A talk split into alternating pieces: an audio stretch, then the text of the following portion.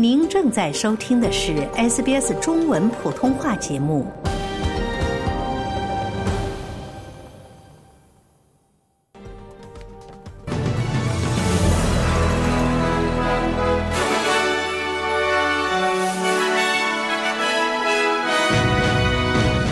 因恶劣天气持续，维州发布洪水警报。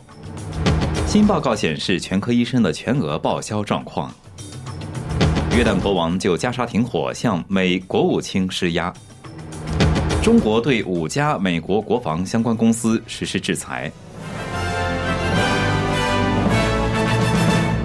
以下是新闻的详细内容。由于受到强雷暴天气的影响，维多利亚州当局向部分地区发布了洪水警报。周末，维州应急服务人员响应了数百次求助，至少进行了五十三次与洪水有关的救援。气象局的迈克尔·埃弗隆表示，周一恶劣天气仍将持续。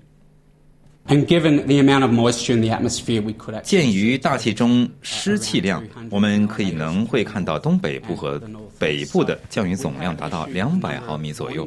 因此，我们已经发布了一系列洪水警报。目前，泉州的湿气量之大，令人难以置信。这是通常会在昆士兰这样的地方才会看到的情况。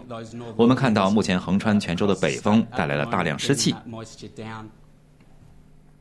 南澳洲和新州南部地区也受到此次重大天气事件的影响。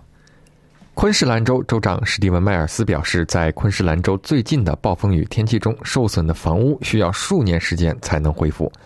目前，所有停电的十三万户家庭中，几乎都已经恢复了供电。有十处房屋被完全摧毁，一百五十二处严重受损，四百零六处中度受损。迈尔斯说，居民如今面临着许多挑战。The construction market continues to be challenging in terms of 建筑市场在劳动力和其他供应方面仍然面临挑战，许多人需要紧急安置。住房部将持续为那些在房屋修复期间需要临时住所帮助的民众提供支持。诚然，要从这场火灾、要从这场水灾中恢复过来，特别是对那些严重受损和被毁的家庭来说，这将需要数年的时间。that's 在九万五千八百份补助金申请中，昆州政府已经处理了五万九千四百份。联邦政府宣布，自澳大利亚东部时间一月八日星期一下午两点起，将提供另外两种形式的财政援助。联邦紧急事务管理部长穆雷瓦特表示，这包括向受暴风雨影响的人发放应急补助，一次性支付每名符合条件的成人一千澳元，每名符合条件的儿童四百澳元。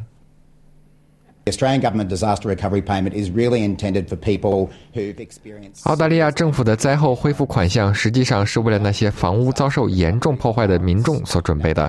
除此以外，还有灾后恢复的津贴，现在是长达十三周的津贴，以巡工津贴的水平发放给那些工作场所中受到影响的人。我们知道，一些人发现由于道路损坏或受到阻挡，他们很难到达工作地点；还有一些个体经营者无法前往工作地点，或者他们的工作场所实际上已经关闭。听众朋友们，如果您需要申请财务援助，可以通过 MyGov 网页在线申请。政府的最新数据显示，工资达到十多年来最快的增长速度。截至二零二三年九月份的一年中，除最高级别外，所有级别的工资都创下了自二零零九年以来的最大季度增长率，工资总额增长了百分之四。国库部长吉姆·查莫斯将这一增长归功于他所领导的政府的政策。在此之前，他将这一增长称为联邦党政府十年来故意造成的工资停滞。然而，实际工资增长仍受到通货膨胀的挑战，消费价格指数仍为百分之五。政府表示，二零零二零二三年六月联邦资助的养老护理人员加薪对公司增长做出了贡献。一份新的报告显示，只有不到四分之一的全科医生诊所会向每一位就医者提供全额报销。通过全额报销服务，医生会向医疗保险计划而不是就医者收费。在全额报销下，就医者看全科医生无需自付费用。到二零二三年十一月，全澳共有五百一十四家诊所停止了年初向所有就诊者提供全额报销的做法。在线医疗保健目录 Clean Bill 为编写报告联系了全澳六千八百多家诊所，发现全国医生接受新的就诊人数的全额报销率目前为百分之二十四点二。在新南威尔士州、首都地区和塔斯马尼亚州，就医者看全科医生平均自付费用最高。关注中东局势，约旦国王阿卜杜拉警告美国国务卿安东尼·布林肯。以色列继续在加沙发动军事行动将带来灾难性后果。布林肯在约旦会见了阿卜杜拉国王，在他为期一周的行程中，他还将访问以色列、以色列占领的约旦河西岸、约旦、卡塔尔、阿拉伯联合酋长国、沙特阿拉伯和埃及等国。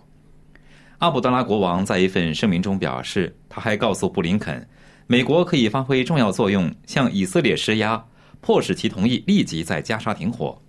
在约旦首都安曼期间，布林肯访问了联合国世界粮食计划署的地区协调仓库。布林肯说，他此行的目标之一是改善援助物资进入加沙的情况。我们必须最大限度地向有需要的人提供援助，不仅要把援助运到加沙，而且一旦运达，还要能有效地把援助送到加沙各地需要援助的人们手中。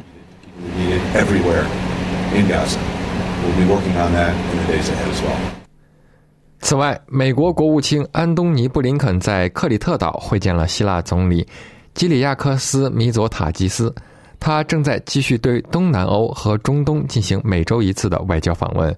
希腊总理指出，希腊坚决支持美国在加沙地带局势问题上的立场。对该地区来说，现在是困难和充满挑战的时期。我们必须并肩作战，不仅要努力进一步加强两国关系，而且要作为盟友采取行动，确保我们这个动荡不安的地区恢复和平与稳定。希腊谴责了哈马斯去年十月七日对以色列南部的袭击，并支持塞浦路斯关于建立海上走廊以帮助向飞地提供更多援助的倡议。布林肯说：“盟国的支持为美国实现其在该地区的目标提供了极大的保证。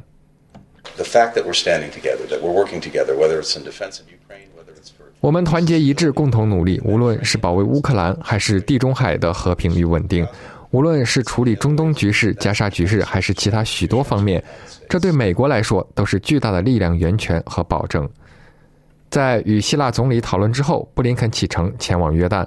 他将在那里与当地的外交官会面。您正在收听的是 SBS 中文普通话节目。听众朋友您好，接下来关注更多国际、国内方面的消息。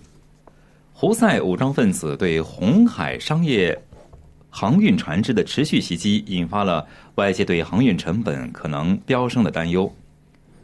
伊朗支持的也门胡塞武装分子加强了对海湾地区船只的袭击，以显示他们对在加沙与以色列作战的哈马斯的支持。从石油、液化天然气到食品，全球大约百分之三十的集装箱贸易都要通过连接红海和地中海的苏伊士运河。德国赫伯罗特航运公司的尼尔斯豪普特说：“寻找其他航运路线只会增加成本和交货时间。” If you look at at the travel time, which is 如果你看一下运输时间，从某些方面来说，现在到地中海东部的时间是原来的两倍或三倍。通常通过运河需要十天，现在则需要十八天。因此，这意味着燃料成本增加。再看看燃料价格，对我们来说，一切都开开始于十二月十八号，我们的燃料成本增加了数以百万计美元。据中国媒体报道，中国政府已经对五家美国国防相关的公司实施制裁。此次的制裁是针对美国向台湾出售价值约四点五亿美元的武器，以及美国此前对中国公司和个人实施的一系列制裁。这五家公司分别是英国 BAE 系统公司、BAE System Land and Environment、Alien Tech System、Operation Aerovironment and VR State 和 Data Link Solutions。中国中央电视台的一位新闻主播宣布了这一消息。近期，美国出台新一轮对台军售，并以各种借口制裁中国企业和个人。对此，中国外交部发言人今天回应表示，针对美方上述严重错误行为，根据《中华人民共和国反外国制裁法》，中方决定对贝仪陆上和武器系统公司、联合技术系统运营公司、宇航环境公司等五家美国军工企业实施制裁。美国前总统唐纳德·特朗普在爱荷华州的一次演讲中公开嘲讽法国总统马克龙。他在电话中模仿马克龙的口音，讨论了他担任美国总统期间针对美国科技公司征税的谈判。特朗普说，他威胁法国总统，如果不收回对在墨西哥经营的美国公司增税百分之二十五的决定，他将对进口到美国的法国产品征收更高的关税。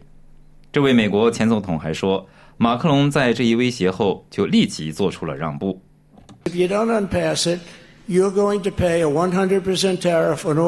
如果你不取消通过，那么从今晚开始，你将对运往美国的所有葡萄酒和香槟支付百分之百的关税。不不不，你不能这么做，唐纳德，你不能这么做。我说我能做到，我说我能做到。事实上，我现在就在签字。不不不，好吧。唐纳德听着，好吧，我不签，就这样，麦克就这样结束了，就这么简单。特朗普还模仿现任美国总统乔拜登的走路方式，并声称他需要医疗支持才能发表公开演讲。朝鲜领导人金正恩的妹妹金宇正表示，朝鲜即将将以立即发动军事行动打击的态度回应任何的挑衅行为。韩国军方称，朝鲜在周五。周六和周日向双方有争议的海上边界附近发射了炮弹。在朝鲜国家媒体播出的一份声明中，金宇正说：“朝鲜人民军已经做好了准备，朝鲜随时准备做出回应。”美国国家运输安全委员会请求公众帮助寻找一架飞机飞行途中脱离的机身碎片，这影响了阿拉斯加航空公司的一架客机。美国航空安全监管机构。联邦航空管理局表示，将要求立即检查阿拉斯加航空公司紧急迫降事件中涉及的同一型号飞机——波音737 MAX 九喷气式飞机。全球约有一百七十一架该型号飞机在复飞前需要接受检查。美国国家运输安全委员会主席珍妮弗·霍曼迪表示，将对事件进行彻底调查。Do we suspect that there is an overall design? 问题是，根据之前涉及波音 MAX 的事故，我们是否怀疑这架飞机存在整体设计问题呢？目前还没有，我们只关注这次调查这架飞机。我们目前还不关注整个机队。不过还是那句话，没有什么是不可能的。我们将根据调查结果采取必要措施，确保安全。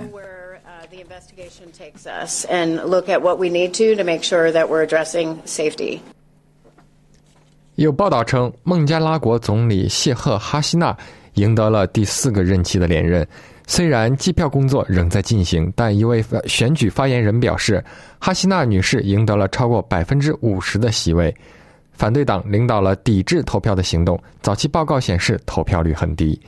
谢赫哈希纳在这个曾经一度陷入极度贫困的国家，主持了突飞猛进的经济增长。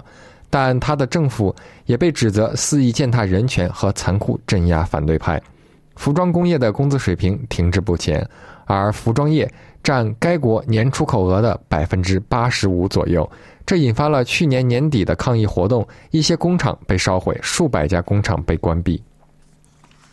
在第八十一届金球奖提名名单中，《芭比》和《奥本海默》两部电影影片名列榜首。芭比获得九项提名，比历史剧《奥本海默》多一项。获得提名的澳大利亚演员包括马克特·罗比、萨拉·斯诺克和伊丽莎白·德比奇。来自不同文化背景的演员们在每个电影表演奖项中都获得了提名。两位女性获得了最佳导演奖提名。今年的主持人是喜剧演员乔科伊，他是第一位担任这一角色的菲律宾裔美国人。他告诉菲律宾媒体公司以及 ABS-CBN News，他希望能让家人为他感到骄傲。This is what we do. We always look forward to this, right? 这就是我们的工作，我们一直期待着这一刻，对吗？所以现在我的家人能在全场最好的位置上看到我，这很酷。我知道现在他们在看，他们会想：好吧，也许我也能做到。这就是我想要的。我希望好莱坞有更多我们这样的人，享受你的工作。只要你热爱它，它就会实现。所以保持梦想吧。体育方面，网球传奇拉斐尔·纳达尔与。由于在上周的布里斯班国际网球赛中受伤，将缺席本月的澳大利亚网球公开赛。这位二十二次大满贯冠军得主在六月份接受了髋关节手术，自去年澳大利亚网球公开赛以后就再也没有参加过比赛，直到在赛季揭幕战布里斯班国际赛上复出。他说，核磁共振成像结果显示他有肌肉的轻微撕裂，因此他决定返回西班牙看医生并休息一段时间。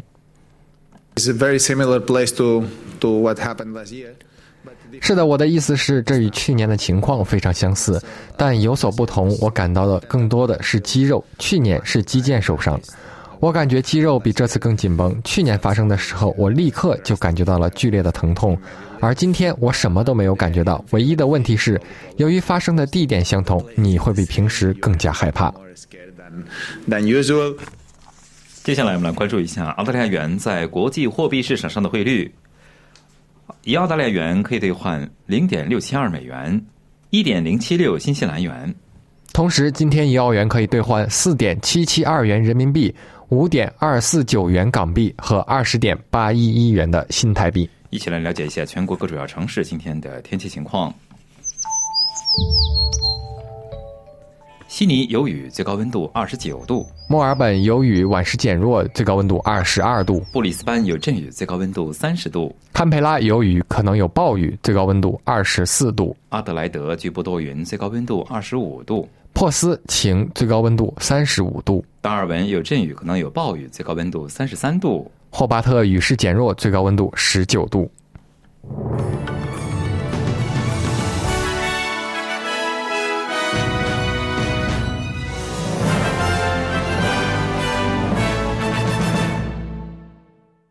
了解澳洲，融入澳洲，欢迎登录 sbs 点 com 点 au 前斜杠 language 前斜杠 mandarin，获取更多澳大利亚新闻和资讯。